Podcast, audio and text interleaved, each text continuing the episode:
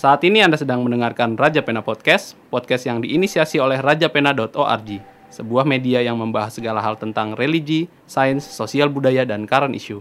Melalui podcast ini, kami ingin berbagi, bercerita, dan bersuara.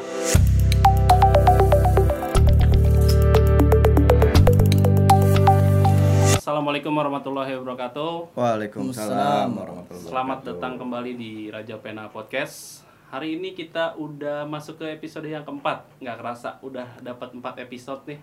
Eh, dan partner saya juga udah kembali, Bapak Om- Omar Tobias. Ya, Assalamualaikum warahmatullahi wabarakatuh. Sekarang kita juga udah kedatangan bintang tamu, yaitu salah satu hudam juga, masih di lingkaran PPMKI. Monggo Kang, silakan diperkenalkan siapa sih nih bintang tamunya. Baik, Assalamualaikum warahmatullahi wabarakatuh. Waalaikumsalam. Waalaikumsalam warahmatullahi wabarakatuh. Perkenalkan, saya Ifat Aulia Ahmad. Sebenarnya sama seperti Kang Taufik, eh, saya masih memiliki darah dalam tanda kutip ya aristokrasi Sunda gitu.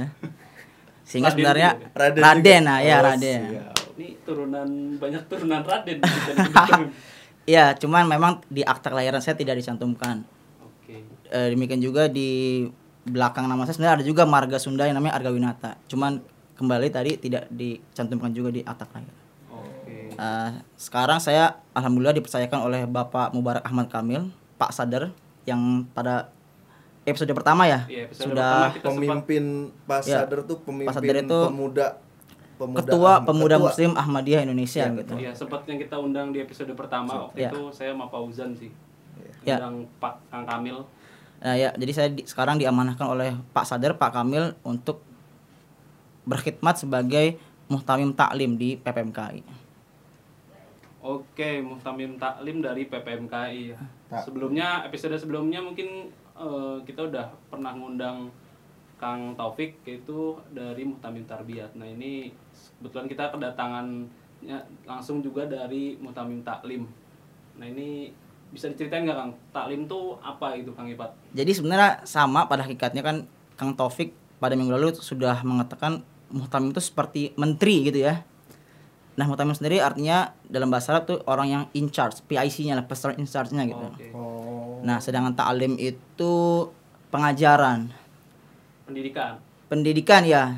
Oke. Hanya bedanya pendidikan di tarbiyat itu lebih pada eh, sifat yang praktikal, Mm-mm. sedangkan di taklim lebih sifatnya pengayaan keilmuan.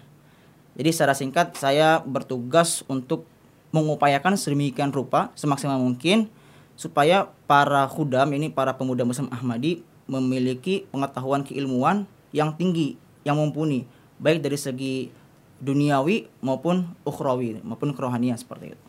Berarti ini kalau tanggung jawabnya itu berarti kalau taklim ini kan pendidikan, ini lebih pendidikan ke dalam internal jemaat Ahmadiyah ya. Berarti untuk ke pemuda Ahmadiyah itu ya. Ya, Lebih ke situ ya. dari sisi kerohaniannya tadi seperti saya bilang kita berusaha mendidik eh, khudam pemuda muslim Ahmadi untuk memiliki keilmuan tingkat keilmuan yang tinggi dari sudut pandang keagamaan ini keislaman dan keahmadiyahan seperti itu namun kita juga mendorong supaya anak-anak muda kita memiliki prestasi yang mumpuni juga yang tinggi juga di bidang akademik Hmm. jadi tidak hanya murni semata-mata keagamaan tapi juga kita mendorong supaya khudam menjadi eh, orang-orang yang unggul di bidang masing-masing seperti itu. Hmm, tanggung jawabnya juga ada tanggung jawab untuk em, mendorong pemuda Ahmadiyah untuk secara akademis ya. Ya, Secara tentu akademis ya. seperti itu. Iya. Oke. Program-programnya apa aja Kang biasanya Kang? Kalau yang apa dari kemarin kan Muhtamim Tarbiyat tuh udah jelasin juga programnya seperti apa. Nah, ini kalau di taklim ini seperti apa nih? Kalau untuk apa namanya eh, di program-program yang udah berjalan gitu. Oh, baik. Untuk tahun ini berarti ya, untuk Ya. periode 2019-2020. Ya, secara garis besar tadi kita bagi menjadi dua di bidang kerohanian dan bidang keagamaan. Ah, maaf, di bidang kerohanian dan di bidang. Keduniaan. gitu. Oke. Akademis ya Ya, kali ya. akademis ya, Oke, akademis. siap.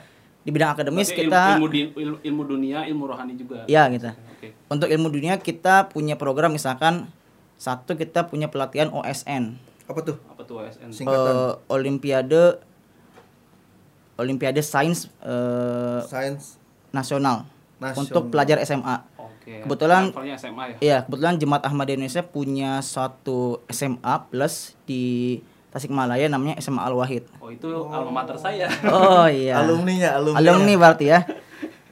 Ya jadi kita eh, mengadakan pelatihan secara intens bagi para pelajar Al-Wahid, siswa-siswa Al-Wahid yang punya interest di bidang pertama matematika, kedua fisika dan ketiga kimia. Nah, sekarang sedang berlangsung nih eh, pelajaran yang intensif tatap muka di sana. Tatap muka Iya, tadinya webinar, sebelumnya webinar online. Online. online. oke. Kemudian untuk seminggu ke depan insya Allah taala eh, akan berlangsung pelatihan yang sifatnya tatap muka ya, in person gitu. Eh, keren juga ya jadi PPMKI bikin apa namanya eh, kelas online jadi jadi kayak semacam apa namanya tutor langsung gitu Iya, tutor langsung. via online gitu bahas soal gitu ya Iya gitu, benar. oke terus tadi eh, sempat dimention berarti eh, per hari ini lagi lagi ada sedang apa kelas offline nya gitu ya Iya, eh, tatap mukanya langsung. Jadi pengajarnya kebetulan juga mahasiswa-mahasiswa Ahmadi, mahasiswa dan mahasiswi. Mereka kita import langsung dari Jogja ke Tasikmalaya seperti oke itu. Go- goalsnya apa tuh Kang? Dari program itu, program OSN itu, goalnya apa gitu? Eh, Secara pribadi ya, secara pribadi saya ingin supaya setidaknya ada anak Ahmadi yang bisa meraih medali di tingkat nasional, di kancah nasional. Oh, ini Apa pun itulah gitu. Entah terlepas itu perunggu kah, perak kah atau medali cuman yang jelas medali gitu atau emas gitu ya. Oh berarti ini kayak semacam camp camp boot camp untuk ini ya Kang untuk persiapan mengikuti kompetisi-kompetisi yang sifatnya nasional gitu Iya. di bidang sains Iya. tingkat SMA Ah, ya. iya. Oke, siap. Oke, Kebetulan iya, iya. eh, tengah bulan ini akan ada seleksi pertama tingkat kabupaten dulu, Hmm. kemudian dari kabupaten ke provinsi, Hmm. kemudian dari provinsi ke nasional, mantap Tuh kan dari Sukses. segi akademis ya Kang. akademis, Nah kalau dari segi satu lagi tadi apa Kang? rohani ya? rohani. Rohani apa Kang? Programnya Kang? Tapi sebenarnya yang akademis masih banyak lagi. Oh ada, sorry. Masih banyak akademis lagi. akademis monggo monggo. monggo. Ada misalkan kita punya pelatihan di SBMPTN. SBMPTN. Ini dulu kalau angkatan saya dulu namanya UMPTN. UMPTN, Oh iya, UMPTN. udah lama ya. Sekarang itu ya, itu Iya. ya, itu ya. Oke, SBM. Kebetulan sama juga untuk siswa Al-Wahid dulu. berarti ibaratnya semacam advokasi untuk ke perguruan tinggi ya Iya. secara akademis ya Ah, bukan advokasi dong. Advokasi ya? apa ya? Motivasi lebih tepatnya. Motivasi, pembekalan. Pembekalan, pembekalan. Advokasi. Nanti kira-kira itu mulainya bulan Maret atau April lah sesudah UN. Sesudah oh ya, bukan persiapan lah ya. Persiapan, Sudah, iya. Oke. Apalagi Kang yang akademis? Ada namanya kita buat pelatihan IELTS IELTS tuh ini. Bahasa ya? Oh ya, bahasa. bahasa Inggris. Jadi Wah, penting tuh. heeh. Gimana gimana? eh mahasiswa-mahasiswa Ahmadi yang sudah lulus Heeh. dan punya kemampuan secara akademik ya, punya IPK yang tinggi untuk melanjutkan pendidikan ke luar negeri, tapi terkendala bahasa gitu ya kan harus tes IELTS kan, Oh iya tuh. harus yang Mahal tuh kalau punya band ya. 6,5 harus 7,0 7,5 nah Oke. kita fasilitasi kita buat seleksi dan dua yang tertinggi kita ambil kita sekolahkan Hmm. nanti mereka ambil IELTS dan sehingga mereka bisa insya Allah keluar negeri dengan mudah gitu Oke, mantap. Luar biasa Kang program-programnya dan cukup apa namanya? applicable ya ibaratnya. Eh, sangat dibutuhkan, sangat sangat, gitu. apa ya? Iya. ya, sangat sangat dibutuhkan apalagi yang tadi kan yang buat pembekalan buat S2 mungkin yang Iya, studi S2. di luar negeri itu Mm. itu syarat utamanya sih ya sekarang ya. Oke. Ada lagi Kang, akademis. Tentang akademis program-programnya. Eh, itu sih secara prinsipil itu Eh, kita sebenarnya juga kayak misalkan kita membuat perpustakaan gitu ya membantu perpustakaan wahid untuk kita menyumbang uang 15 juta kita beli buku-bukunya buku-buku kuliah buku-buku filsafat biologi dan sebagainya kita sumbang supaya mereka juga punya bekal yang bagus gitu secara keilmuan ada punya kemauan untuk meraih pendidikan yang tinggi gitu. Oke, benar-benar. Eh, cuman saya kemarin lihat postingan yang EduTrip itu programnya siapa tuh? Ah, itu juga Itu eh, kan program kita programnya. EduTrip Ah. juga. Jadi sebenarnya cukup banyak kalau Juga dibahas waduh mungkin Itu menarik tuh. Yang, yang EduTrip boleh cerita sedikit aja. Ah, kalau edu trip itu jadi kita berusaha balik lagi ya sebenarnya landasannya motivasi gitu. Hmm. Kita memotivasi anak-anak SMA Ahmadi, tidak hanya Al-Wahid kalau ini. Ini seluruh Indonesia sifatnya Hmm. yang punya prestasi bagus, baik itu akademik maupun non akademik. Kita ajak mereka untuk keliling ke kampus-kampus di luar negeri. Hmm, rencananya tahun Studi ini ke mana? gitu ya? Ya study tour ke kampus-kampus beken di luar negeri. Oke. Sejauh ini baru dua sih, baru dua negara, Apa aja tuh Kang? eh, Malaysia dan Singapura. Oke. Ke Dekat- NUS. dekat dulu ya. Ya, ke NUS, National University of Singapore, sama satu lagi Nanyang. Nanyang. Nanyang Oh, Nanyang, bagus. Technological University. Begitu itu buat memotivasi tuh Kang. Ya, Berarti itu buat motivasi. benar. Iya, Mantap, mantap. Tadi kan yang apa dari segi akademik atau dari segi pengetahuan duniawi lah ya. Ya. Nah ini yang rohani dalam implementasi taklim tuh seperti apa nih Kang? Ah, kita punya program giveaway nih. Giveaway Ah. maksudnya gimana? Oh ini dong di sosmed sosmed ini. Ah, ya. iya. Oke siap. Jadi kita punya program giveaway bagi para khudam yang berhasil menamatkan buku pendiri Jamaah Muslim Ahmadiyah setiap bulan seperti itu. Oke, buku-buku yang yang notabene juga ibaratnya udah diupload ke Ahmadiyah ID juga itu. Iya, benar. Postingannya kan memang terakhir itu apa Hadikatul Wahyi. ya? Hakikatul Wahyu untuk bulan ini. Nah, Hadikatul Wahyi oh iya. Nah hadiahnya macam-macam nih. Untuk dua bulan yang lalu hadiahnya itu topi sama tas lempang Eiger. Sekarang sepatu running Eiger. Oh, Oke, iya. Nanti mungkin sepatu gunung. Asal jangan sepatu boot aja. Ya, boots? By the way di Buat- buat di banjir. di endorse sama ini gak sih sama Eger tadi disebut mulu Eger ya ngomong. Terus terus lanjut lanjut. Oh jadi itu buat memotivasi teman-teman ya, hudam apa pemuda Ahmadiyah untuk eh apa ya untuk membaca Baca buku. literasi lagi ya, Ah. untuk membaca itu. Yang kedua ada nih. Apa tuh? Yang kedua tuh kita punya uji kompetensi. Wah, saya ikut tuh. Eh, ujian kompetensi khudam. Oke, materi-materinya itu bi- kalau saya juga ikut kan, ibarat diambil dari buku juga, Ah. Iya. terus apa namanya beberapa materi yang emang udah common di jemaat juga. Iya, kan. gitu. Oke. Sip, sip, sip. Secara garis besar itu.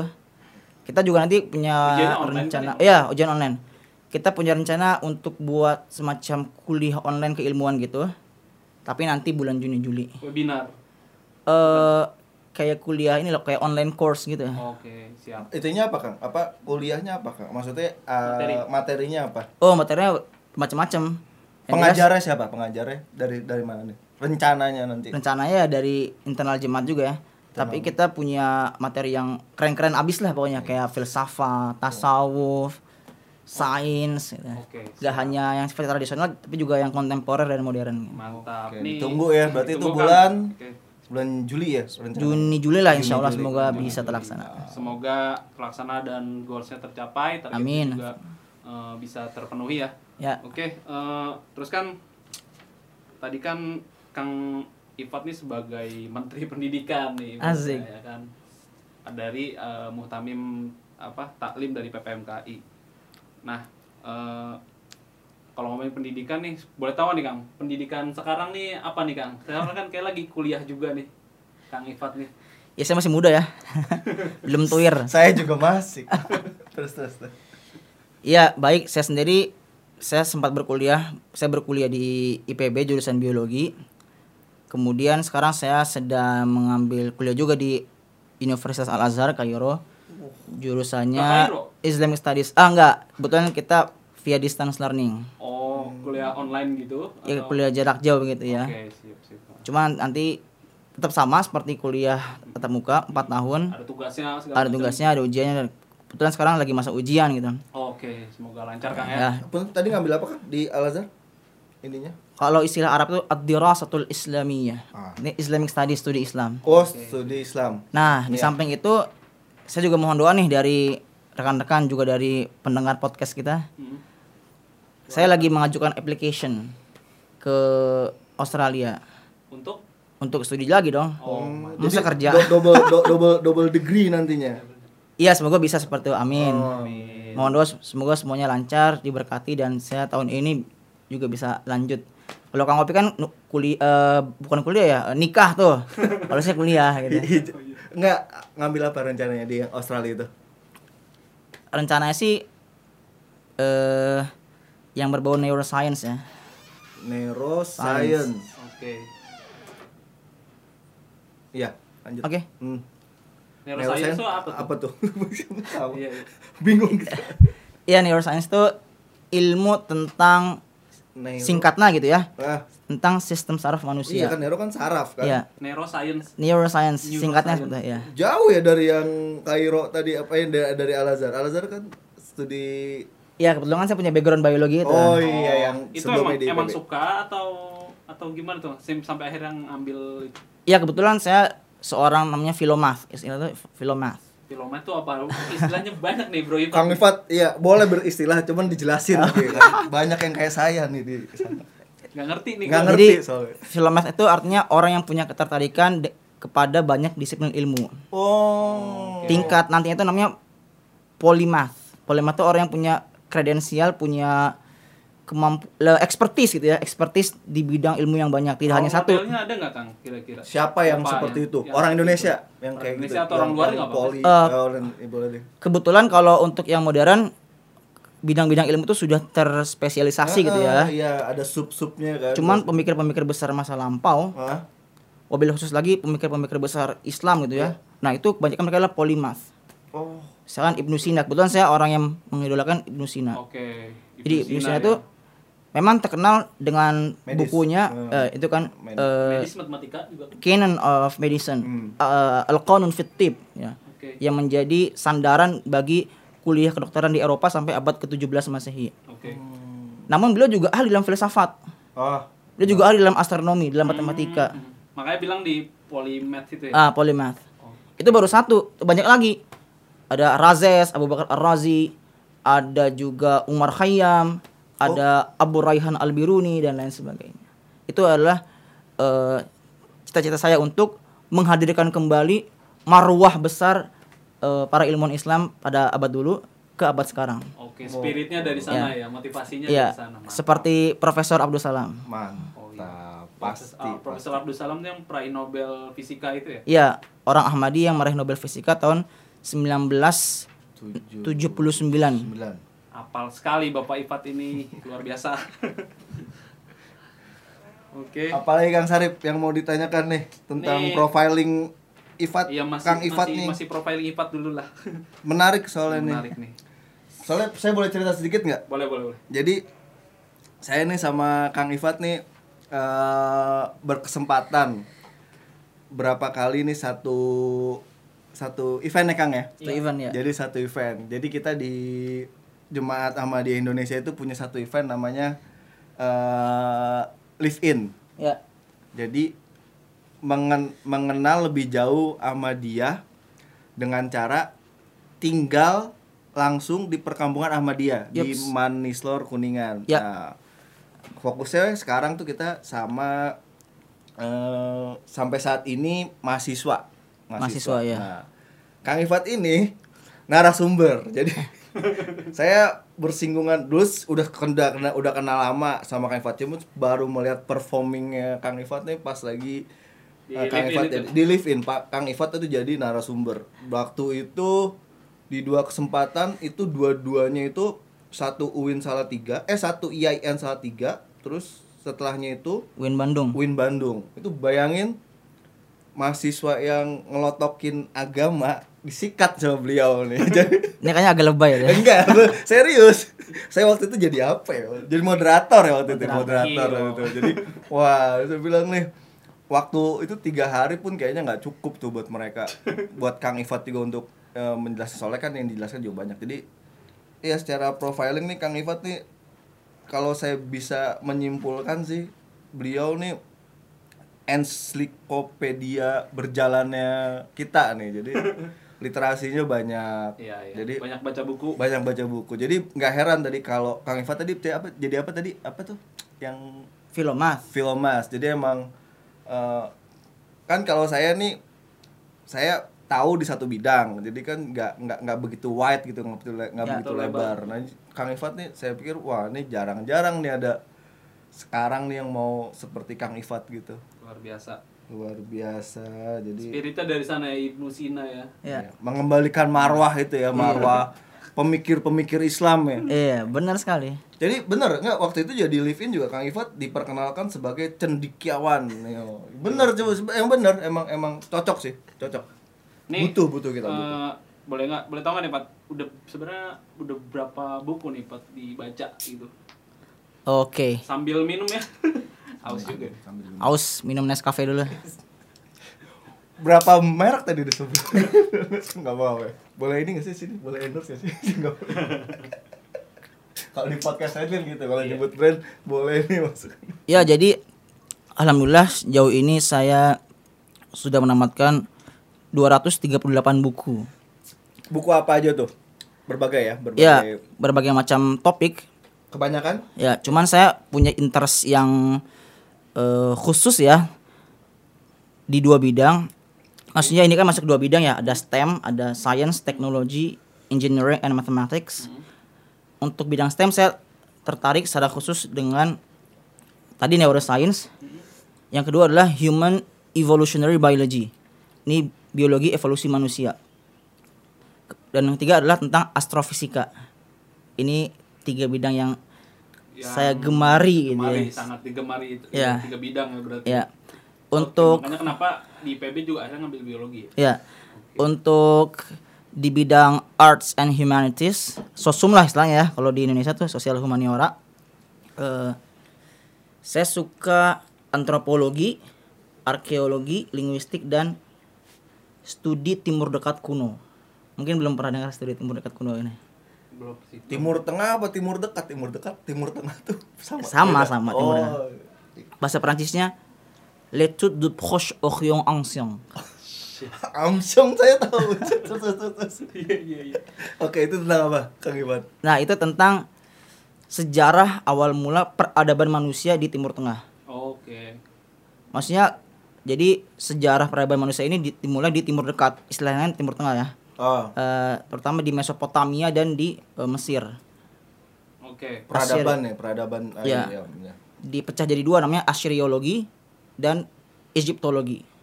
Egyptologi. Hmm. Egyptologi dan Assyriologi. Jujur nih eh, apa namanya? Hampir saya nggak hampir nggak pernah baca sih buku-buku kayak gini nih. Egyptologi banyak banyak istilah yang saya nggak ngerti ya. Ibarat tapi mungkin eh, teman-teman nanti di apa teman-teman Raja Pena nih teman-teman pendengar Raja Pena mungkin eh, kalau misalnya mau ketemu Kang Ifat langsung ada di mana Kang Ifat? Saya banyak di Bandung sekarang. Oke di Bandung ya. Kok di Bandung? Oh iya udah terusan. Oh lagi di Oke, oke, Bandung, oke. lagi lagi lagi seneng di lagi lagi di Bandung ya. Oh, Bandung segar hawanya, Jakarta Oh. penat. Oh iya betul betul. Lebih ini ya. Nah lebih tadi total fresh. berarti udah berapa buku dihabisin? Ya tadi Dibaca? Alhamdulillah 238 buku dan untuk eh, artikel ilmiah di jurnal-jurnal ya sudah 100. Cuman itu masih sedikit sebenarnya. Karena saya secara pribadi koleksi di buku eh, maaf koleksi di laptop lebih dari 12.000 buku gitu. Buset. Target saya pribadi sebelum menikah ya saya bisa menamatkan 500 buku dan 500 artikel ilmiah di jurnal-jurnal. Oke. Mohon doa semoga terlaksana. Emang Amin. kenapa kalau udah nikah? kalau udah nikah emang agak ada gangguan gitu. Oh ini target-target pribadi. Target pribadi, Oke target pribadi. siap siap mantap. Saya kira ada perbedaan Oh, setelah enggak. setelah dan sebelum menikah. Oke oke siap. Semoga saya berhasil melaksanakan cita-cita itu di samping juga meraih gelar akademik yang tinggi tadi seperti untuk menjadi untuk menjadi orang yang mengembalikan marwah tadi siap. itu. Oh, siap. Oke. Siap siap siap. Ada satu buku yang bisa di mention gak nih Kang yang mungkin eh pendengar Raja Pena bisa juga baca gitu. Satu buku aja lah. Kalau tadi kan banyak tuh udah sama Kang Ifat. Yang direkomendasikan sama Salah Kang satunya. Ifat, salah satunya yang dari 200 Iya buku jemaat ya. buku dari mungkin karya-karya dari pendiri Ahmadiyah gitu. Oh iya, Apa tuh? tentunya tadi ya selain buku-buku sekuler saya juga mendalami buku-buku keagamaan termasuk buku-buku pendiri Jamaah Muslim Ahmadiyah. Hmm. Jadi beliau tuh menulis lebih dari 80 buku. Dan alhamdulillah saya sudah sekitar 78 buku seingat saya. Ya, Dikit lagi dong dikit lagi. Semoga tahun ini bisa sel- selesaikan semua buku beliau ini. Amin. Tadi satu buku apa? Apa tuh, Yang Kang? disebutkan? Nah, saya sekarang sedang mengulang buku Khutbah Ilhamiyah. Khutbah Ilhamiyah. Oke. Eh, sebenarnya saya sudah tamat dua atau tiga kali, cuman saya ulang lagi. Bisa bisa di ini nggak Kang? Apa yang apa yang bisa di-share ke kita nih? Jujur saya belum baca nih. Om udah baca belum? Belum. Isinya isi apa? Ininya aja apa? Teasingnya lah ibaratnya. Teasernya, Ya, teasernya ya. Kalau sinopsis. sinopsisnya. Sinopsis, oh, oke, ya. Sinopsisnya. Jadi sebenarnya film, Pak. Bener bu- juga, sinopsis buku. bukan Bisa, ya? Oh, bisa. iya, iya, siap. Jadi buku ini adalah buku yang sangat penting sebenarnya untuk dibaca. Karena ini buku yang khusus, yang spesial. buku yang diwahyukan langsung ketika beliau mengungkapkannya. Terutama pada bab pertamanya. Jadi latar belakang historisnya seperti ini. Pada Idul Adha tahun 1900, tepatnya 4 April 1900, pendiri Jamaah Muslim Ahmadiyah Hadrat Mirza Ghulam Ahmad alaihissalam diperintahkan oleh Tuhan secara langsung melalui wahyu untuk menyampaikan khutbah dalam bahasa Arab. Sebelumnya, beliau tidak pernah menyampaikan khutbah dalam bahasa Arab. Baru pertama kali itu saja. Namun, begitu beliau menyampaikan khutbah, perawakan beliau, suasana itu benar-benar berubah. Sehingga bukan suasana uh, beliau secara pribadi lagi tapi sudah otherworldly gitu. Suasana malaikat yang menguasai diri beliau.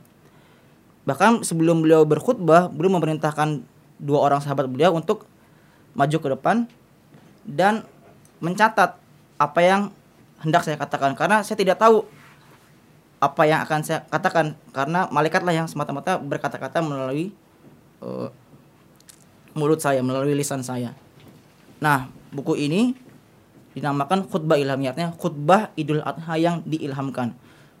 Disampaikan dalam bahasa Arab yang sangat sastrawi, yang sangat indah, yang sangat elegan dan terdiri dari 348 fakrah. Artinya 348 eh Fakroh tuh. fakrah itu seperti kalimat gitu ya. Hmm. Nah, kalimat. Kebetulan saya hafal. Itu eh, Hah? Apal segar sebenarnya. Iya, kebetulan saya hafal. Dihafalin. Eh terus itu Awalnya itu Idul Adha berarti ya. Idul Adha di Kadian di, Oh, di British India saat itu. Awalnya itu adalah ya ibadallah fakiru fi yaumikum hadza yaumil adha fa innahu udi'a asraran li ulin nuha. Sampai akhirnya fasaufa yunabbi'uhum khabir. 348 fakrah. Oke. Nah, sebenarnya ini cuma satu bab doang nih. Nah, itu yang diterjemahkan ke dalam bahasa Indonesia. Nah, setelah itu beliau menulis lagi empat bab selanjutnya ditambah dua bab kecil sehingga total bukunya tuh tujuh bab. Diterbitkan tahun 1901 dalam bahasa Arab juga. Bab yang memuat khutbah yang tadi yang benar-benar diilhamkan tadi itu bab pertama. Kemudian beliau menulis lagi empat bab sehingga total menjadi lima bab ditambah dua bab kecil yaitu tujuh bab seperti itu. Itu intinya tentang apa Kang? Da- dari yang khutbah Idul Adha itu. Eh, pertama-tama beliau menjelaskan tentang falsafah pengorbanan. Apa sih pengorbanan itu? Terutama kaitannya dengan pengorbanan Idul Adha ya, hewan kurban. Oke. Apa sebenarnya falsafahnya eh, hewan kurban itu? Kemudian beliau menarik keadaan umat Islam yang sekarang gitu. Apakah umat Islam sekarang menyadari makna atau hakikat atau ruh dari pengorbanan itu? Ternyata tidak. Nah, kemudian karena melihat kondisi umat Islam yang sudah melupakan hakikat ini, Allah Ta'ala pun mengutus beliau untuk menghidupkan kembali semangat pengorbanan di tengah umat Islam. Jadi beliau mengungkapkan di sana pendakwaan beliau sebagai pesuruh Tuhan, sebagai Imam Mahdi dan Al-Masih yang dijanjikan.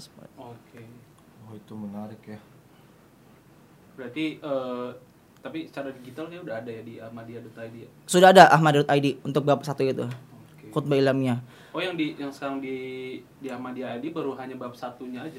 Iya, ba- baru bab satunya saja. Belum full belum full buku buku apa Hakikatul Wahyi itu ya. Eh, full. khutbah ilmiah. Wah, khutbah, sorry. Khutbah ilhamnya ya. Iya, sudah diterbitkan oleh Jemaat Ahmad Indonesia Raca Press, tapi yang baru diterbitkan tuh eh, bab satunya saja. Namanya tetap khutbah ilmiah. Oke, baru bab satu itu ya. Itu baru bab satu. Kalau babnya yang tujuh bab itu itu lebih dari 200 halaman. Oke. Ada dalam Ruhani Khazain volume 16. Jadi kompilasi buku pendiri Ahmadiyah itu dikompilasi dalam satu buku namanya Ruhani Khazain terdiri atas 23 volume dan buku khutbah ilmiah ini ada dalam volume ke-16 dari Ruhani Khazain tadi. Artinya adalah khazanah-khazanah kerohanian. Mantap, Bro Ifat. Nih jujur saya sendiri jadi minder nih. Di usia yang se jujur nih Bro Ifat kan lebih muda deh saya. Cuman secara literasi dan bacaan udah jauh lebih banyak, eh, jauh lebih apa ya, lebih hafal juga. Luar biasa lah. Saya cukup takjub juga nih. Makanya nggak heran tadi tuh yang di mahasiswa yang di live in juga Iya. terheran-heran juga. Terpukau dengan penampilan penjelasan dengan penjelasan Kang Ifat nih. Jadi ya nggak nggak salah ya saya bilang tadi nggak berlebihan saya bilang kalau Kang Ifat nih sebagai ens apa ensiklopedianya Ensiklopedia. ensiklopedia eh, ya itu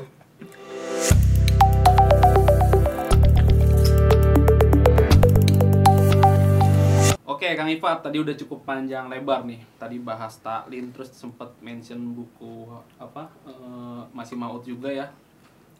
Eh, Khutbah ilmiah. Khutbah Ilhamiah terus tadi juga kita juga cerita tentang apa sharingnya Kang Ifat eh, gimana motivasinya beliau untuk belajar seperti apa gitu kan. Udah banyak juga. Terus em, nah beberapa hari yang lalu nih sebenarnya sebelum podcast nih kan waktu itu saya bilang Kang Ifat mau bahas apa nih kira-kira nih Pak? Terus Kang Ifat ngirim sesuatu ke saya, itu artikel. Nah sebenarnya saya kan niat ini juga nanti dipublish di rajapena.org gitu, secara artikelnya. Cuman dari sini kita mau bahas juga lah, mumpung ada orangnya kita langsung bahas aja, udah kita obrolin aja juga di podcast gitu. Nah, eh, Bro Ivannya kan udah ngasih artikel ke saya nih yang judulnya Fana, Bako, dan Liko ya. Bener gak sih nyebutnya? Bener bener. Pakai off. Fana, Bako, dan Liko. Nah ini ini tentang apa sih bro? Gimana sih tentang apa ini? Ya, jadi secara singkat ini berbicara tentang tingkatan kebahagiaan dan spiritualitas manusia. Itu secara singkatnya. Dapat istilah itu dari mana? Nah, istilah itu adalah se- sebenarnya istilah sofistik ya. Oke. sufistik Ah, oke Stick tuh apa? itu adalah istilah yang dikemukakan oleh para sufi sufi. Sufi itu Oh. mistiskus Islam yang besar. Nah, kemudian ini juga diinkorporasi oleh pendiri Jamaah Muslim Ahmadiyah, Hadrat Mirza Ghulam Ahmad alaihissalam dalam buku beliau yang berjudul Ainai Kamalate Islam. Yakni cermin-cermin kesempurnaan Islam yang beliau tulis tahun 1893. 500 halaman buku ini. Kebetulan saya juga sudah tamat alhamdulillah. Alhamdulillah. 500 Halaman lumayan ya. Itu bahasa bahasa Urdu dan Arab. bahasa Urdu. Nah, balik lagi tadi apa? Bako apa? Tadi Fana, Bako dan Liko. Mm-mm. Itu pengertiannya apa tuh? Mungkin saya terangkan persatu backdropnya dulu sendiri ya. Ya, boleh. Jadi sebenarnya studi tentang kebahagiaan dan kelezatan yang ingin diraup oleh manusia itu sudah menjadi topik bahasan yang kuno gitu. Maksudnya maksud saya kuno itu artinya sudah lama diperbincangkan oleh para filsuf gitu. Oke. Misalkan tadi saya sebut nama Abu Bakar Ar-Razi. Abu Bakar Ar-Razi itu adalah filsuf besar Islam. Tidak hanya filsuf, tidak hanya sebagai filsuf tapi juga sebagai ahli kedokteran dan sebagainya. Di barat dikenal dengan nama Razes. Nah, Razes ini adalah seorang filsuf yang mazhabnya itu tabi'iyah, art- artinya naturalis. seperti itu. Dia mengemukakan dalam bukunya namanya Atib Ruhani. Artinya psychological healing gitu ya. Penyembuhan spiritual. Oke. Dia mengatakan bahwa manusia dapat merasakan suatu kelezatan ladzah Bahasa- ladzah jadi lezat itu dari bahasa Arab ladzah jika ia kembali ke fitrah di mana ia awalnya itu berasal seperti itu. Itu katanya Ar-Razi. Kemudian Aristoteles ah Aristoteles ini muridnya Plato. Mm-mm. Hmm, Plato itu muridnya Socrates hmm. ini adalah tiga pendiri founding fathers of Western philosophy tiga orang ini. Hmm. Nah, Aristoteles ini menulis sebuah buku judulnya dalam bahasa Inggris The Nicomachean Ethics. Di sana dia menjelaskan bahwa seorang hanya dapat melakukan atau memperoleh suatu kebahagiaan jika dia benar-benar melangsung- melangsungkan hidup yang kontemplatif, yang penuh perenungan. Istilahnya adalah eudaimonia, artinya kebahagiaan hidup. Nah, sebenarnya dua hal ini saling berkaitan. Kata Aristoteles, seorang itu bisa saja merasakan lazah, kelezatan, Kelezatan. tapi belum tentu dia bisa merasakan kebahagiaan. Karena kelezatan itu sifatnya lebih ke ragawi, sedangkan kebahagiaan itu sifatnya intelektual, psikis, kerohanian juga. Religi. Nah, bagaimana cara kita bisa sampai ke tingkat kebahagiaan yang tadi yang kontemplatif menurut Aristoteles? Nah, itu sebenarnya sudah diajarkan dalam Al-Qur'an. Nah, rahasia ini diungkapkan dengan sangat indah oleh pendiri Jamaah Muslim Ahmadiyah Hadrat Mirza Ghulam Ahmad dalam buku beliau tadi Ainai Kamalatul Islam. Nah, itulah yang berusaha saya ringkas. Sebenarnya itu asli aslinya itu 8 halaman membahas itu ya, membahas itu 8 atau 10 halaman. Kemudian saya ringkas jadi hanya beberapa halaman dan saya tambahkan beberapa catatan kaki dari Oh yang Tambahan gitu. Kang Ifatsar itu ya berarti. Yang Bako, Liko dan Fana, Bako, dan Liko. Fana, Bako dan Liko ya. Mm-mm. Nah itu oke tadi kan secara background tadi udah udah dijelasin nah. Nah pengertiannya itu sendiri apa tuh? Oke. Kenapa ada istilah itu gitu? ada istilah fana bako dan niko gitu ya jadi hadrat Mirza Ghulam Ahmad alaihissalam beliau mengutip satu ayat dalam surah Al-Baqarah. Bunyinya a'udzubillahi minasyaitonirrajim. Bala man aslama wajhahu lillahi wa huwa muhsinun falahu ajruhu 'inda rabbih wala khaufun 'alaihim wala hum yahzanun. Ini barang siapa yang menyerahkan wajahnya dirinya semata-mata karena Allah dan dia pun adalah orang yang berbuat baik niscaya dia akan mendapatkan ganjaran di sisi Tuhannya yakni dia tidak akan takut akan masa lampau dan tidak akan pula bersedih akan masa mendatang seperti itu. Nah, dalam ayat ini beliau mengatakan tiga tingkatan tadi, Oke. fana, bako dan niko. Berarti Fana, Bako dan Liko Itu ti- tingkatan ya? Tingkatan. Dari paling ya? bawah Dia paling bawah fana, Fana, kemudian bako, kemudian liko. Cuman eh, tiga tingkatan ini sifatnya otomatis. Jika kita sudah sampai fana, otomatis kita akan sampai ke Naik. bako dan liko gitu. Oh, oke. Nah, Gak bisa langsung liko ya. Oh, nggak bisa. Lanjutkan. nah jadi Nah. Shortcut ya. Nah. Gak ada cheat nih, gak ada cheat nih kalau nggak ada cheatnya. Jadi harus fana dulu. Apa itu fana? Nah, beliau mengatakan bahwa fana sebenarnya terkandung dalam kata frasa sebenarnya bala man aslama. Ini barang siapa yang menyerahkan dirinya. Gitu. Ini seorang yang sudah benar-benar bergantung pada Tuhan, seorang yang sudah benar-benar hilang keakuannya dan ia melebur dengan Tuhan, ia dinamakan fana. Fana itu artinya secara harfiah larut. Larut. Nah, ia benar-benar total hilang dan ia benar-benar menyatu dengan Tuhannya, itu namanya fana istilahnya. Nah, ini menarik bahwa dalam Al-Qur'an frasa yang digunakan adalah bala man aslama wajahahu. Secara letterlock artinya barang siapa yang menyempurnakan eh, yang menyerahkan wajahnya gitu. Nah, dalam tradisi Berserah diri maksud. berserah diri. Nah, dalam tradisi midrash, Midras itu apa? midrash itu tafsir perjanjian baru. Oh maaf, tafsir perjanjian lama.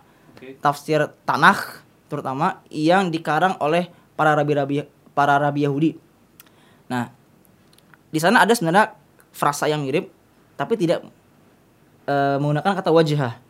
Di sana hanya ada kata hishlim asmo dan hishlim nafso.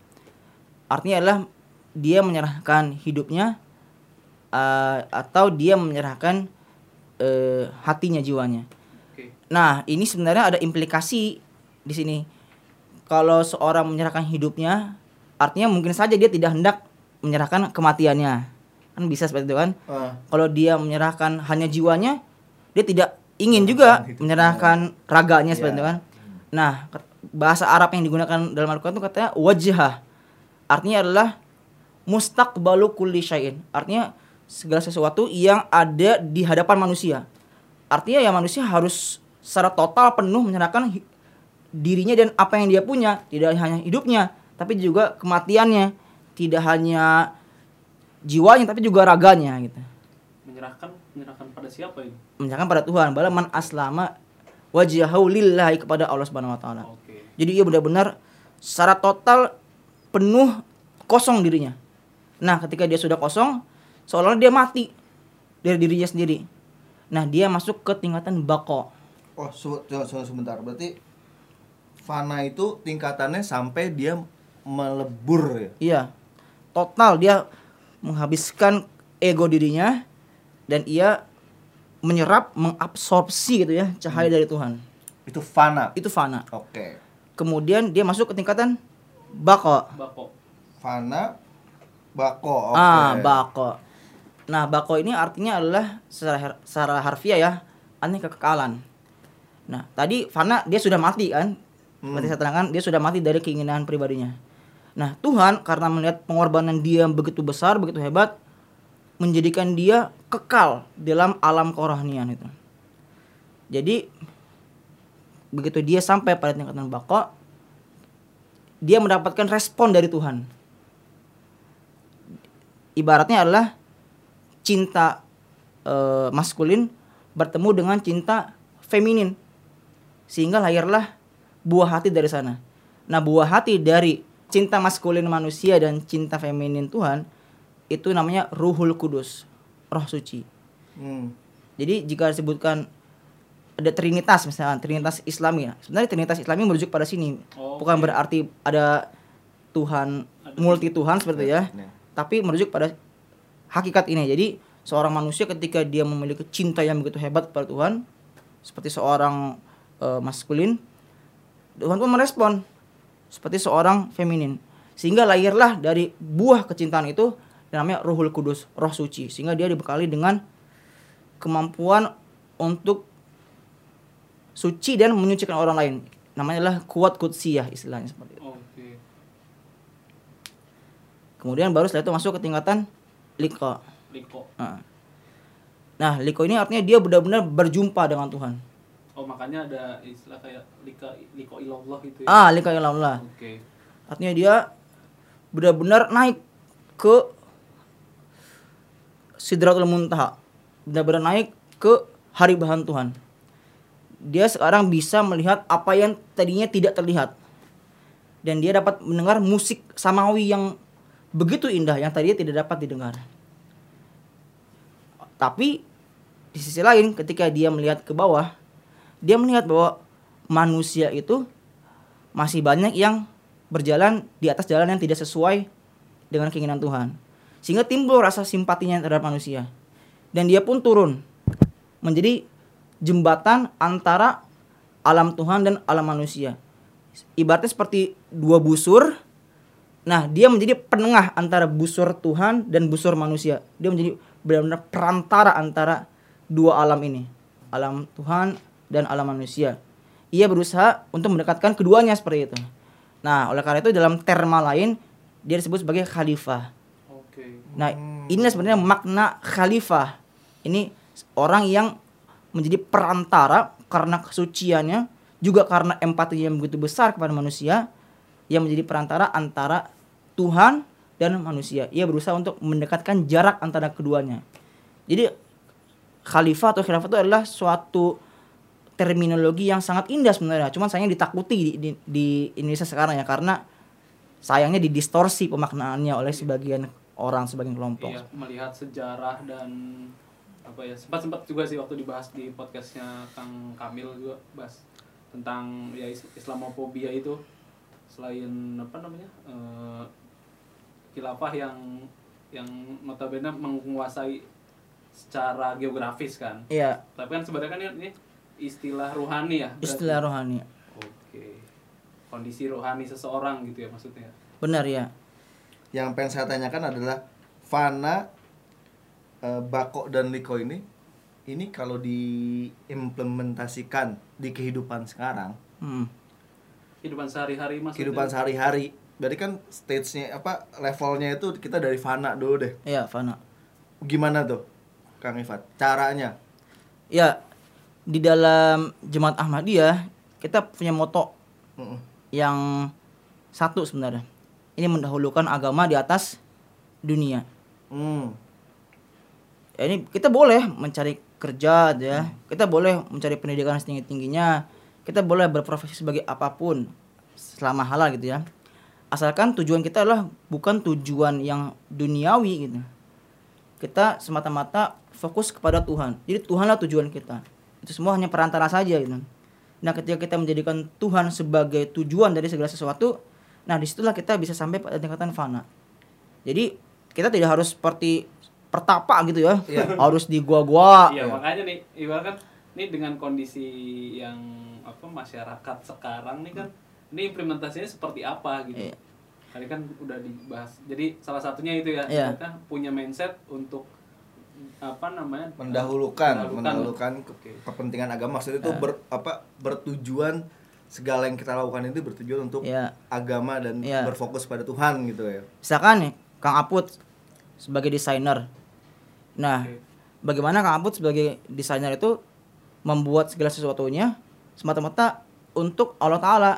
Misalkan yang sederhananya dalam Jemaat Ahmadiyah kan kita punya sistem canda gitu ya. Hmm. Pengorbanan harta. Ya. Jadi setiap Ahmadi itu di tiap bulannya dituntut untuk mengorbankan sekian persen dari penghasilannya untuk kepentingan Islam dan Ahmadiyah seperti itu. oh Nah, kita mindset bahwa saya bekerja, iya saya mendapat uang, cuman saya niatkan uang ini untuk dibelanjakan di jalan Tuhan seperti itu. Oke, di untuk pengorbanan. Eh. oh se- sebenarnya kalau di kita di jemaat Ahmadiyah itu sudah diakomodir ya untuk Sudah menjadi diakomodasi, tingkat ya. fana, Fana ya, itu, dengan ya. itu ya dengan kita eh, ada Pengorbanan. kontribusi pengorbanan untuk kepentingan eh, apa kepentingan agama lah ya Iya. untuk, untuk itu Jadi dari penghasilan kita ya Jemaat Ahmadiyah sebagai sebuah jamaah Islam tidak menuntut anggotanya untuk jadi pertapa. ya Tidak harus ke gua-gua, puasa mati geni sekian lama gitu. Tidak seperti itu. Bahkan ya sebenarnya kan kalau kita bisa dibilang kan pengorbanan harta juga walaupun kita ngeliat termasuk paling berat juga sebenarnya untuk Iya. korban harta gitu, apalagi nyawa gitu. Hmm. Nah ini kayaknya apa namanya itu udah udah diakomodir melalui program pengorbanan itu ya. Iya. Satunya candah ya. Kan? Benar.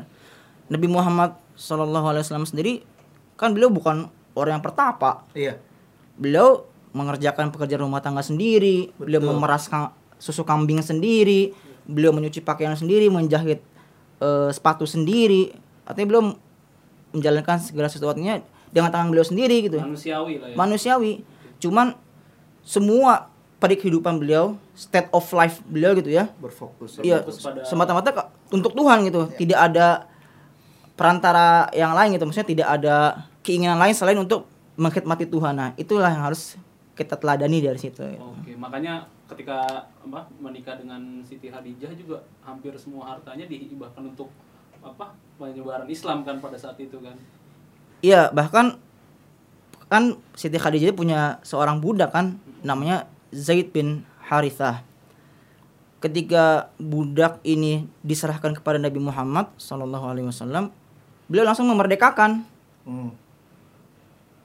Zaid bin Harithah. Pada kemudian hari, Zaid bin Harithah ini menjadi salah seorang sahabat yang paling dekat dengan beliau.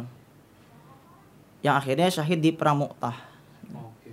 Oke, itu tadi tingkatan fana sudah sudah apa ya? Implementasinya dalam kehidupan sekarang ini udah terjawab. Nah, Hmm. sekarang kita naik ke tingkatan bako. Ya, Gimana tuh? Kan fana aja menurut saya sih ya cukup berat sih sebenarnya cuman Hmm.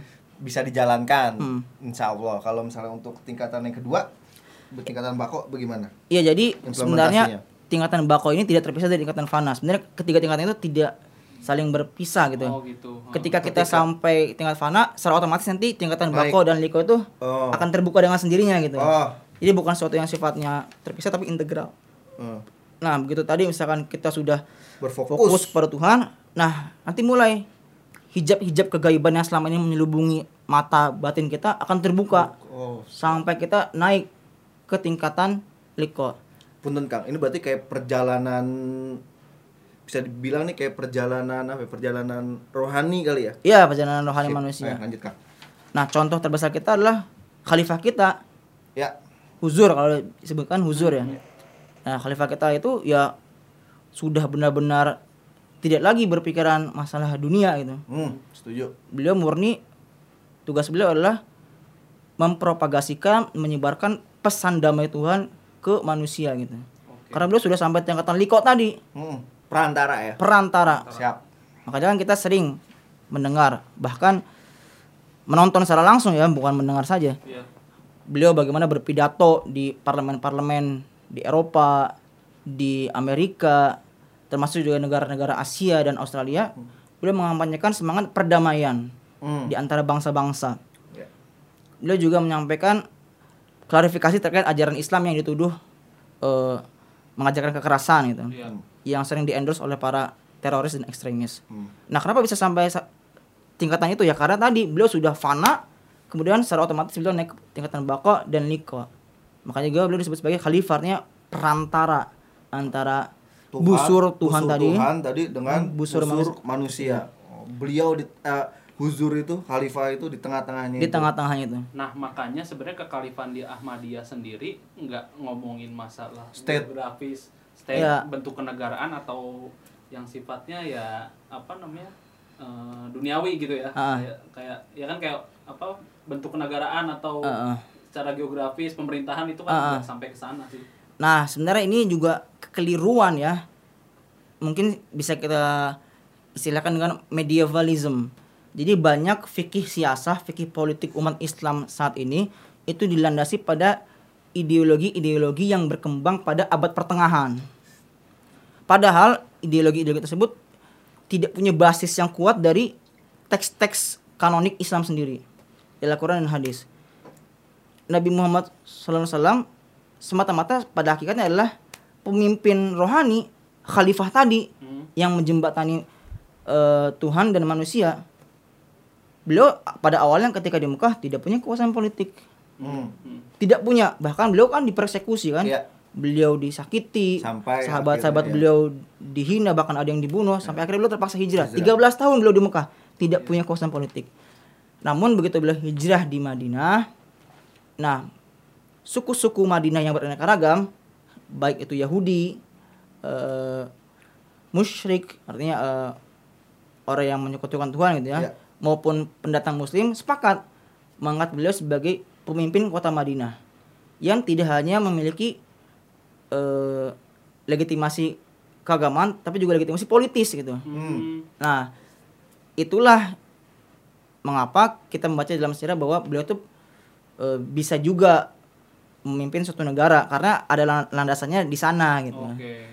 Nah, para Dan khalifah datangnya pun dari dari dari masyarakat sana yang menginginkan Iya, beliau ya. iya. Tapi tugas utama beliau bukanlah memimpin negaraan. Iya benar. Tugas utama beliau adalah tadi sebagai khalifah istilahnya nabi gitu.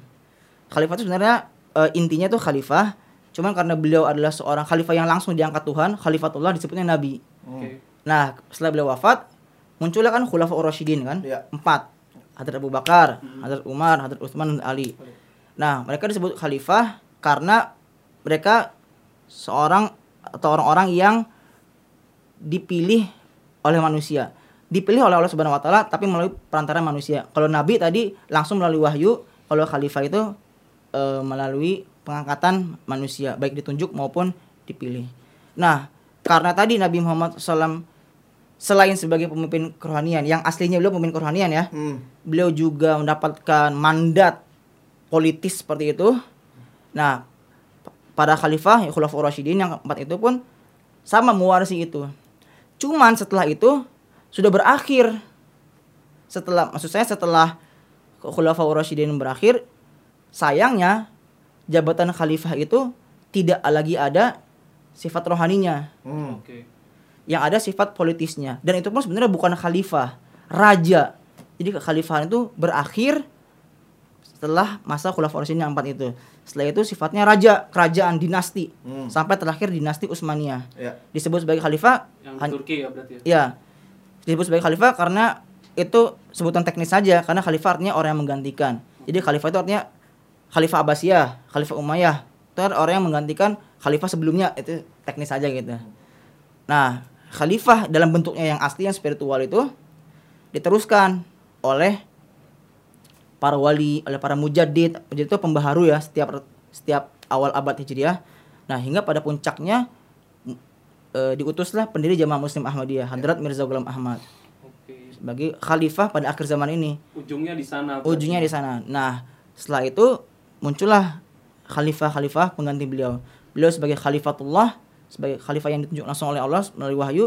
Nah khalifah setelah beliau adalah khalifah yang ditunjuk Allah juga tapi pengangkatannya dilangsungkan melalui pemilihan oleh tangan manusia seperti itu Oke. Berarti ujungnya eh, di khalifahan yang sekarang ya Hazrat apa Hazrat Mirza Mansur Ahmad ya. ah sekarang sudah khalifah kelima Hadrat Mirza Masur Ahmad Oke, eh, kita agak loncat lumayan nih. Tadi dari bahas eh, fana, liko, bako, terus sampai ke khalifah berarti eh, ininya ya apa namanya benang merahnya gitu ya. Mm-mm. Nah, eh, sebenarnya balik lagi nih Kang ke pentingnya apa sih kita buat kita nih memahami itu gitu. Terlebih terlebih lagi kita sebagai Ahmadi gitu. Memahami. Memahami eh, tentang falsafah. falsafah eh, Eh, untuk fana liko bak eh fana bakoliko itu. Iya. Mm. pentingnya apa nih? Ibaratnya eh, manfaat besarnya apa untuk untuk untuk kita pribadi? Kayak gitu sih memahami itu. Ya manfaatnya jelas bahwa kita bisa menjadi pribadi yang lebih terstruktur. Maksudnya saya lebih fokus menghadapi kenyataan bahwa kita su- suatu saat ini akan mati gitu. Oke. Makanya perbekalan ya? Perbekalan. Oke siap. Beberapa waktu lalu saya baca ya di DKI itu sekarang kuburan sudah menumpuk. Udah udah ditumpuk udah. sudah bisa ditumpuk ya? Itu di mana? Itu 8000 jenazah ditumpuk di di di di DKI. DKI Dek. tanah kusir semua udah Ah. udah tumpuk semua. Setiap lima tahun. satu keluarga penting satu keluarga. Iya, Hmm. setiap lima tahun itu bisa eh, diperbolehkan oleh pemprov DKI untuk ditumpuk. karena nggak mungkin pelebaran lahan kan Iya. Jadi saya ingat ini satu prinsip dari Socrates yang saya eh, hafalkan gitu ya. Sebenarnya Socrates ini dalam teologi Jemaat Ahmadiyah dianggap juga sebagai seorang nabi. Cuma mungkin tuh nanti ya nanti nanti nanti podcast berikutnya ya. next Next episode. Nah ini lebih ke benefitnya gimana nih kang Ya. kalau sebagai sebagai misalnya sebagai saya nih memahami itu ya eh, kalau saya sih ngelihatnya eh, itu sebagai apa ya eh, yang yang dibilang Kang Iva tadi lebih terstruktur gitu ketika beribadah pun kita menuju ke sana gitu kan Iya. ibaratnya kan berarti eh, motivasinya untuk selalu ber apa meningkatkan diri terus menerus secara rohani berarti kan Iya. gitu. Jadi saya ke Socrates dulu ya tadi ya. Iya Socrates Jadi Socrates pernah bersabda ini dicatat oleh Plato. Bunyinya seperti ini. Ho di anexetastos bios aubiotos anthropoi. Ini kehidupan yang tidak dapat dipelajari oleh manusia, oleh orang lain gitu ya. Adalah kehidupan yang tidak patut dijalani oleh seorang manusia. Jadi maksudnya kita tuh harus hidup dengan suatu kehidupan yang orang lain tuh bisa berkaca dari kita gitu. Nah, caranya gimana sih? Ya tidak ada yang lain kecuali tadi dengan menjadi hamba-hamba Tuhan yang sejati. Oke. Orang sekarang sering berteriak freedom, kebebasan. Entah itu freedom of speech, freedom of opinion, freedom of uh, religion dan lain sebagainya gitu ya. Kebebasan dan kebebasan kebebasan. Tapi kebebasan sejati adalah ketika seorang itu menjadi tawanan Tuhan. Ketika seorang itu sudah benar-benar merealisasi keindahan wajah Tuhan, kecantikannya, maka dunia ini tidak lagi cantik di matanya. Ia akan benar-benar luluh, benar-benar di hadapan Tuhan itu terkesima, terpesona. Sehingga yang ada di pikirannya, di matanya hanyalah Tuhan, Tuhan dan Tuhan. Nah, itulah yang eh, menjadi landasan atau menjadi eh, alasan utama mengapa kita harus mengerti fana bako dan liko ini. Oh. Raison d'être. Istilah Prancis itu. apa tuh Raison d'être itu alasan utama. oh siap oke berarti itu ya jadi yang saya tangkap sih dari memahami falsafah fana bako dan liko ini adalah ini sebenarnya membuat kita hidup untuk lebih terstruktur Hmm. lebih ya kalau misalnya diaplikasikan di kehidupan sekarang ini kan kalau misalnya kita berfokus kepada Tuhan berarti kan kayak berarti kan kayak kehidupan mungkin lebih lebih apa ya lebih lebih wise lebih sehat mungkin Iya, ya. benar. Dan saya tangkap lagi sebenarnya ini buat perbekalan kita ya Benar. Ber- buat perbekalan bermotivasi kita. untuk kita terus beribadah berbuat Iya. baik gitu ya. dunia sekarang sudah sangat materialis. Terutama setelah Perang Dunia Kedua ya, setelah eh, industri di abad 20 lebih tepatnya. Ya. Karena ada suatu eh, ideologi filsafat baru yang dicetuskan sebenarnya pada akhir abad 19 pada akhir abad ke-19 oleh Friedrich Nietzsche CS yakni eh, si- filsafat yang lebih mementingkan individu sebagai pokoknya, sebagai eh, fokusnya fokusnya gitu. ya Bukan Nah. bukan kalau di Fana Bako dan Liko pada Tuhan berarti. pada? Tuhan. Oh, Oke. Sedangkan tadi eh, filsafat modern di barat ya yang Terbalik dimulai ya oleh jadi. Friedrich Ya. Nietzsche kemudian sampai pada titik puncaknya itu oleh Sartre, Jean-Paul Sartre, filsafat Prancis, eh, filsuf Prancis. Nah, dia mengatakan bahwa sebenarnya eh, l'existence précède l'essence. Jadi eh, eksistensi manusia itu mendahului harus lebih didahulukan daripada esensi manusia. Eh kunci pembahasan para filsuf zaman dari dulu ya sampai tadi sampai akhir abad ke-19 tadi sampai Nietzsche tadi itu adalah bagaimana kita mengetahui human nature, la nature humaine, La nature. humaine, Eh, pembawaan alami manusia. Gimana sih pembawaan alami manusia? Apakah dia itu seorang agresor? Apakah dia seorang yang pecinta atau gimana? Itu titik eh, titik eh, tolaknya. Oke. Jadi sebenarnya manusia itu Parameter. harusnya bagaimana menjalani hidupnya gitu kan. Hmm. Nah, sedangkan dari zaman Nietzsche, Nietzsche itu sebenarnya lebih nihilis. Kemudian masuk tadi ke Sartre, pada Nah. titik puncaknya. Nah, itu dibalik. Sebenarnya manusia itu nggak punya suatu norma yang harus dia eh, turuti gitu. Tidak ada tuh human nature. Itu semua tidak ada artinya apa-apa. Tabrak semua. Berarti. manusia lah yang berhak menentukan dirinya menjadi apa gitu. Oke. Berfokus pada manusia. Iya, jadi manusia lah yang berhak. Ya. nggak ada tuh misalkan kita harus menjadi hamba Tuhan atau kita harus menjadi hamba setan misalnya seperti itu ya. Iya. Pokoknya manusia lah yang eh, punya kuasa untuk menentukan diri sebagai apa. Nah, ini sangat ateistik.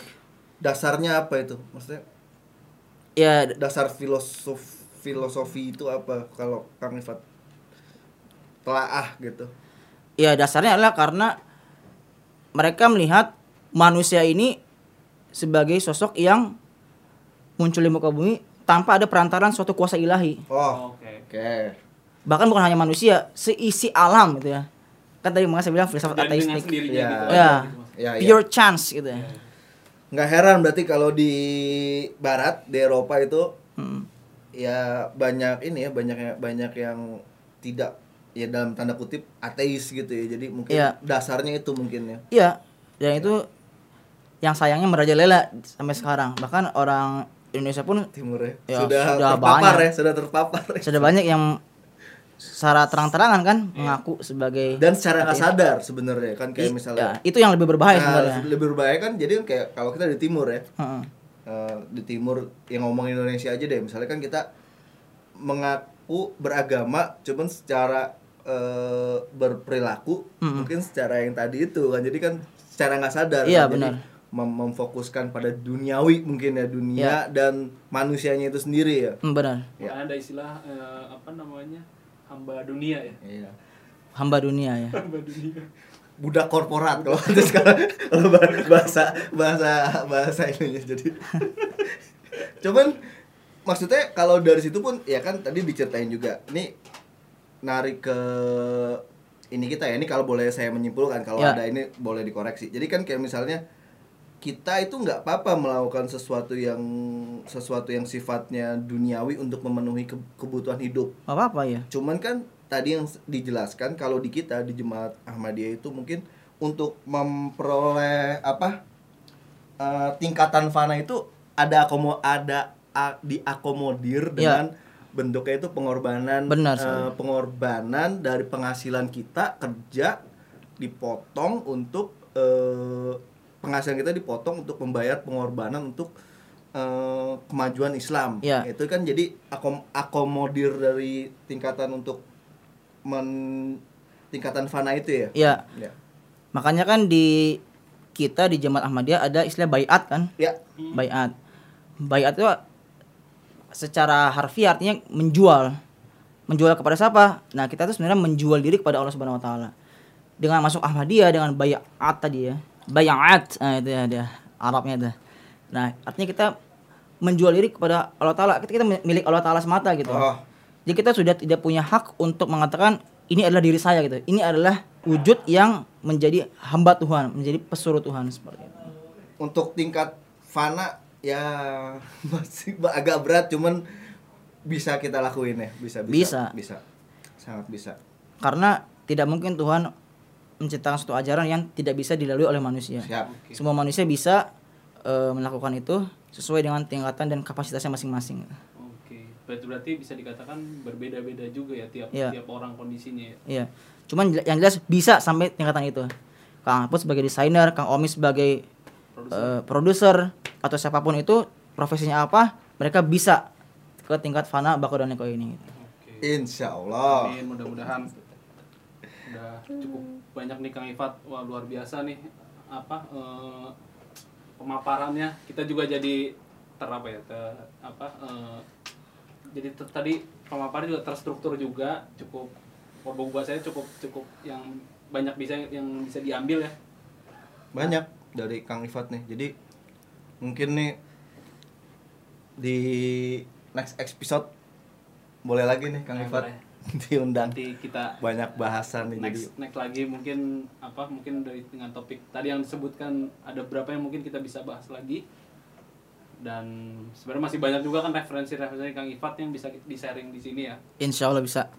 oke nah terakhir nih mengingat waktu juga Iya udah gak kerasa nih kalau sama Kang Ifat yang ngobrol lagi. Udah. sejam lebih ya Sejam, sejam lebih. Oke. oke untuk closing statement Kang Ifat terakhir Ada yang mau disampaikan nggak tentang terutama tentang bahasan Fana, Bako dan Liko? atau message terakhir lah Iya. Oke, bagi saya adalah setiap orang pada zaman sekarang itu harus kembali kepada fitrahnya tadi kan seperti saya bilang di awal. Apa itu fitrah atau human nature tadi? Tidak lain adalah untuk bersatu dengan Tuhan. Untuk sampai pada tingkatan fana, baka dan niko. Nah, caranya gimana? Hmm. Ya, pertama-tama yang jelas kita harus berusaha hidup dengan kontemplasi dengan perenungan kita harus mengoreksi diri kita gitu sudah sejauh mana kita hidup sesuai dengan perintah Tuhan Hmm. sudah baguskah atau belum kalau kita sudah bagus menurut perhitungan kita kita tingkatkan terus karena Tuhan itu adalah lautan yang tidak bertepi nah ini juga sebenarnya salah satu poin yang menjadi eh, titik lemah ya sebagian kelompok yang mengatakan bahwa ah saya tidak butuh sholat lagi. Kan ada tuh yang begitu ya. Iya, iya. saya saya tinggal cukup berzikir saja. Hmm. karena saya sudah sam- sudah larut dengan Tuhan. Itu sebenarnya salah. Tuhan itu adalah lautan yang tidak bertepi. Jadi Hmm. kalau kita berlayar di tengah lautan kita tidak akan sampai pada pantainya Tuhan. Karena Tuhan itu adalah tadi lautan yang tidak bertepi. Tapi semakin kita dalam menyelam dalam lautan Tuhan semakin kita bisa mengeluarkan mutiara-mutiara yang indah Oh, ini tingkatan ini tadi ya. Oke. dari lautan eh, ilahi tersebut oke guys. Jadi jangan jangan sampai kita pernah patah arang untuk terus menyelam lebih dalam, lebih dalam, lebih dalam sehingga kita bisa mengeluarkan mutiara-mutiara pure jewel of spirituality. Mantap. Oke, mantap. Oke nih udah udah hampir sejam sejam. Oke, Sejam lebih. Mudah-mudahan obrolan kita bermanfaat. Amin. Amin, pendengar, amin. khususnya pendengar Raja Pena. Saya juga cukup terkesima nih dengan Bro Ifat. Terima kasih udah menyempatkan hadir. Ya, terima kasih. Sama-sama jazakumullah ahsanul Sama jaza. Omi juga. Ya. Saya berharap sih nextnya Fauzan bisa ikut juga nih di sini. Siap, siap. Fauzan. hari ini dia berhalangan hadir. Em, mungkin itu aja sih dari saya. Oke. Saya Ahmad Syarifudin, mohon pamit. Saya Omi, mohon pamit. Saya Ifat, mohon pamit juga. Ya. Ya, saya ucapkan Assalamualaikum warahmatullahi wabarakatuh. Waalaikumsalam warahmatullahi wabarakatuh.